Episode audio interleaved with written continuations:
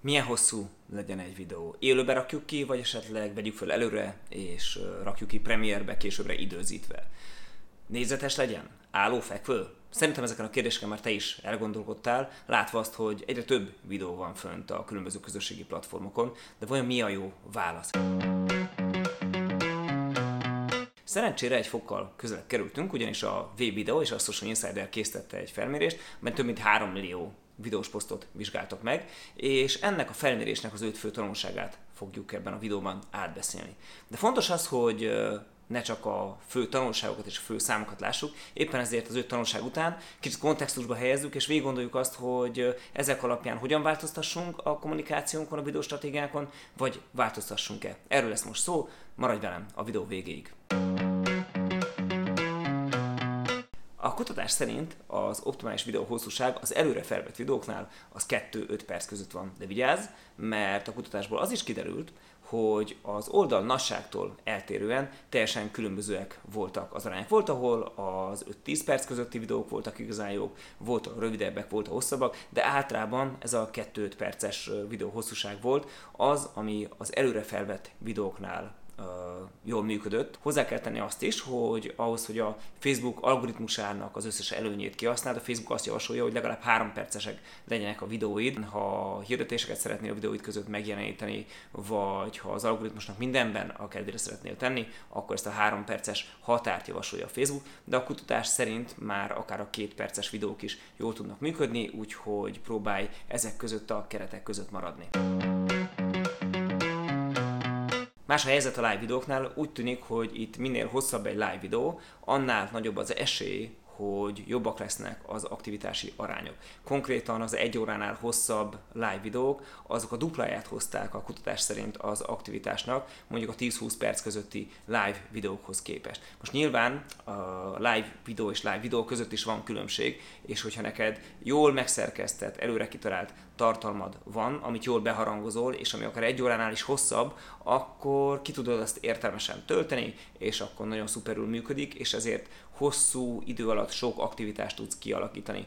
Ha csak hirtelen bejelentkezel, és nincs annyira előkészítve, könnyen lehet, hogy a célcsoportod nem értesül időben, és mire bekapcsolódna, addigra már véget is ért a videó. De persze láttunk már ezzel ellentétes példákat. Minden esetre a tendencia az, hogy a live videóknál minél hosszabb, annál jobb, de természetesen ez nem jelenti azt, hogy fölöslegesen tölts ki az időt. Ha van jó tartalmad, ezt jól előkészíted, akkor igenis az egy óránál hosszabb live videóknak lehet sokkal nagyobb az aktivitási aránya, mint a rövidebb videóknak.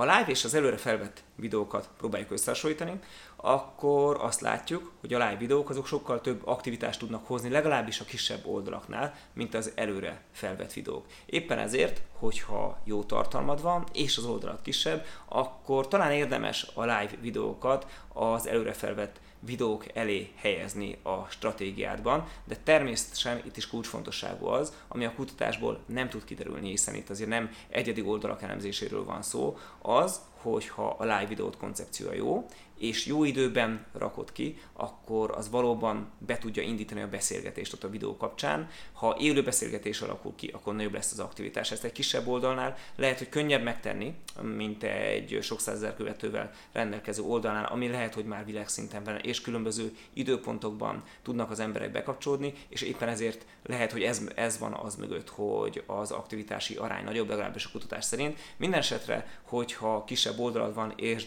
mondjuk 10-20 ezer követő alatt, vagy akár 5000 követő alatt, akkor bátran gondolkozz az élő videókban, ha azt jól előkészted, akkor nagyon nagy aktivitási arányt tudsz ebből kihozni.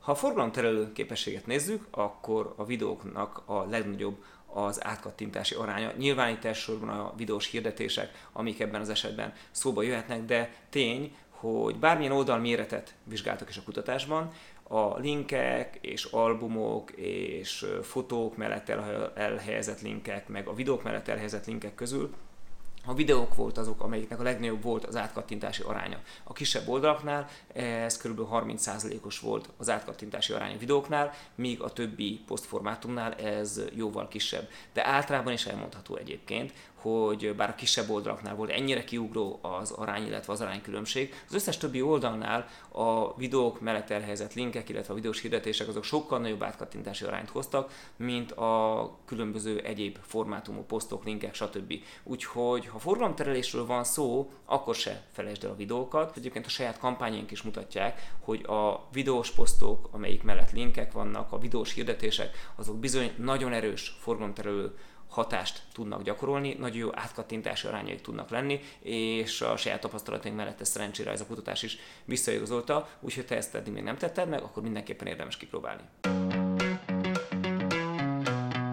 Ha a legjobb videós formátumot keresed, akkor használj egy álló formátum videót, aminek a leírásánál 10-nél kevesebb szó szerepeljen, legalábbis ez jön ki ebből a kutatásból, amelyik megvizsgálta a különböző álló, négyzetes és fekvő formátumokat, és azt is, hogy a videó leírásában szereplő szavaknak a száma az mit mutat, és aktivitási arányban azok szerepeltek a legjobban, amelyiknek az álló formátumú volt a videó, és ahol 10-nél kevesebb volt a videó leírásában használt szavaknak a száma. Ami számomra egyébként különösen meglepő volt, az az, hogy négyzetes formátumú videók azok voltak a legrosszabbak igazából bármilyen oldalméretnél, bármilyen kombinációban, még a fekvő formátumú videók is általában jobban teljesítettek ezeknél. Véletlenül ez azért van, mert ha én egy állóformátumú videót nézek, akkor az mobilon ugye sokkal jobban működik, és mondjuk laptopon meg mindenféle ilyen asztali gépeken viszont a fekvőformátumú videó működik jobban, úgyhogy a helyzet az, hogy úgy tűnik, hogy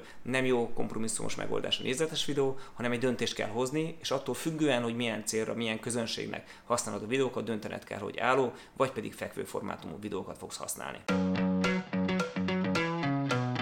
Ezek voltak hát a tanulságok, mit kezdjünk velük most, akkor álljon neki. Csak álló formátumú 2 perces videót gyártani, aminél 10-nél több szó nem szerepel, ez, ez a megoldás, mindenkinek erre kell törekedni, és ha le akarjuk egyszerűsíteni, akkor nyilván ez van, hogy ebbe gondolkodjunk, de azért érdemes egy kicsit a, a számok mögé nézni, és megismerni azt, hogy a célcsoportodnak milyen szokásai vannak, és ezeket igazítani a tartalmathoz, illetve a tartalmat igazítani a szokásokhoz, és ezeket a tanulságokat, amiben a kutatásból kijöttek, ezeket a megfelelő módon használni. Hiszen itt azért vannak olyanok, amik egy kicsit egy ellentmondásosnak tűnnek, vagy amik lehet, hogy a te szokásaiddal ellentétesek. Tudom például, hogy sokan szeretnek live videókat használni, és ezeket úgy csinálják, hogy úgy csinálunk egy gyors bejelentkezést, és akkor majd milyen szuper lesz. És valóban, hogyha jó időben kapják el, akkor egy 10-20 perces bejelentkezés is nagyon izgalmas lehet. Mások viszont azzal küzdenek, hogy ú, nagyon jó, nagyon izgalmas prezentációkat, előadásokat csinálnánk élő videóba, de nem tudjuk azt leszuszakolni 30-40 perc alá, és ó, már vért izzadunk, hogy ez rövidebb legyen. De látható, hogy nem feltétlenül kell, mert mégiscsak, ahogy a kutatásból is kiderült, az egy óránál hosszabb élő videók, azok jobban teljesítettek, mint a 10-20 perces élő videók. Nyilván nem szabad elfelejteni azt sem, hogy a videó az önmagában kevés. Mert olyan értelemben kevés, hogy, hogy a videó az nem egy egyetlen és megszentségteleníthetetlen elem, fú, aztán talán sikerült ezt a szót jól kimondani, hanem ez egy folyamatnak a része. Úgy is a folyamatnak a része, hogy előtte-utána vannak posztok, amik hatással vannak rá, és úgy is egy folyamatnak a része, ha mondjuk tipikusan egy élő videóról beszélünk, akkor az az élő videó, amit ki fogunk rakni mondjuk holnap délután, vagy mondjuk jövő hét kedden, és azt előkészítjük, mert eseményt csinálunk, mert izgalmas kérdéseket dobunk föl, mert több felületen reklámozzuk, hírlevelet küldünk róla, sztorikba kirakjuk, másik platformokon kirakjuk, akkor az az, az élő videó az egy sokkal erősebb támogatással indul, mint az, amikor most így hopp, kirakok egy élő videót, mert éppen egy izgalmas helyen vagyok, és eszembe jutott, hogy ezt meg kéne osztanom a célcsoportommal. Szóval igen, az egy órán hosszabb videók általában jobbak, igen, az élő videók azok általában jobbak, de hogyha ezeket te nem készíted elő megfelelően, akkor nem biztos, hogy érdemes uh, ezekre alapozni. Akkor lehet, hogy jók az olyan videók, mint ez, amit felveszel, megvágsz, igyekszel azt tömörre megvárni, igyekszel azt minél értékesebbre, minél izgalmasabbra elkészíteni, és ezt fogod publikálni. Egyik sem rossz, a kettő igazából tök jól ki tudja egészteni egymást, hiszen simán lehet az, hogy egyszer egy élő videót használsz, mert egy beszélgetős előadásra készülsz, és az élő videó közben kérdezel, kérdezel, kérdezel, válaszolnak a, a nézők, aztán te válaszolsz az ő kérdéseikre, és akkor ez egy olyan izgalmas aktivitási robbanás fog hozni, amitől az élő videók minél hosszabbak, annál jobbak, hiszen aki csak később kapcsolódik be és látja, hogy itt vannak izgalmas kérdések és vannak válaszok is, az bátrabban fog kérdezni. Míg mondjuk egy előre felvett videó viszont nagyon kompakt, lásd 2 perc, vagy mondjuk ha a Facebooknak az ajánlását mellé veszük, akkor mondjuk 3-5 perces között van, akkor onnantól fogva ez egy izgalmas lehetőség lesz arra, hogy gyorsan összefoglalj tartalmat, és ezt gyorsan összefoglalt tartalmat, ezt utána a célcsoportodnak ö, könnyebben emészhető formátumban tudja prezentálni, akár egy premierként is. Szóval tök jók ezek a kutatások, de az ilyen jellegű kutatásokat én azt gondolom, hogy egy kicsit fogad fenntartással. Fogad olyan szempontból fenntartással, hogy nagy ötleteket adnak általában érdemes újra gondolni ezek alapján a stratégiádat, de a saját szokásaid, a saját lehetőségeid és a célcsoport igényeinek megfelelően kell alakítani azt, hogy ezeknek a kutatások alapján mennyit változtass, vagy változtass-e egyáltalán a szokásaidon. A cél az az, hogy igyekezzél szórakoztató, izgalmas, hasznos, értékes tartalmat gyártani, és a tartalmat azt közelítsd a lehető legjobb formátumhoz. Ha ez egy élő beszélgetős műsor, akkor ez legyen egy műsor. Egy élő, egy beszélgetős műsor, akár egy óránál hosszabb is.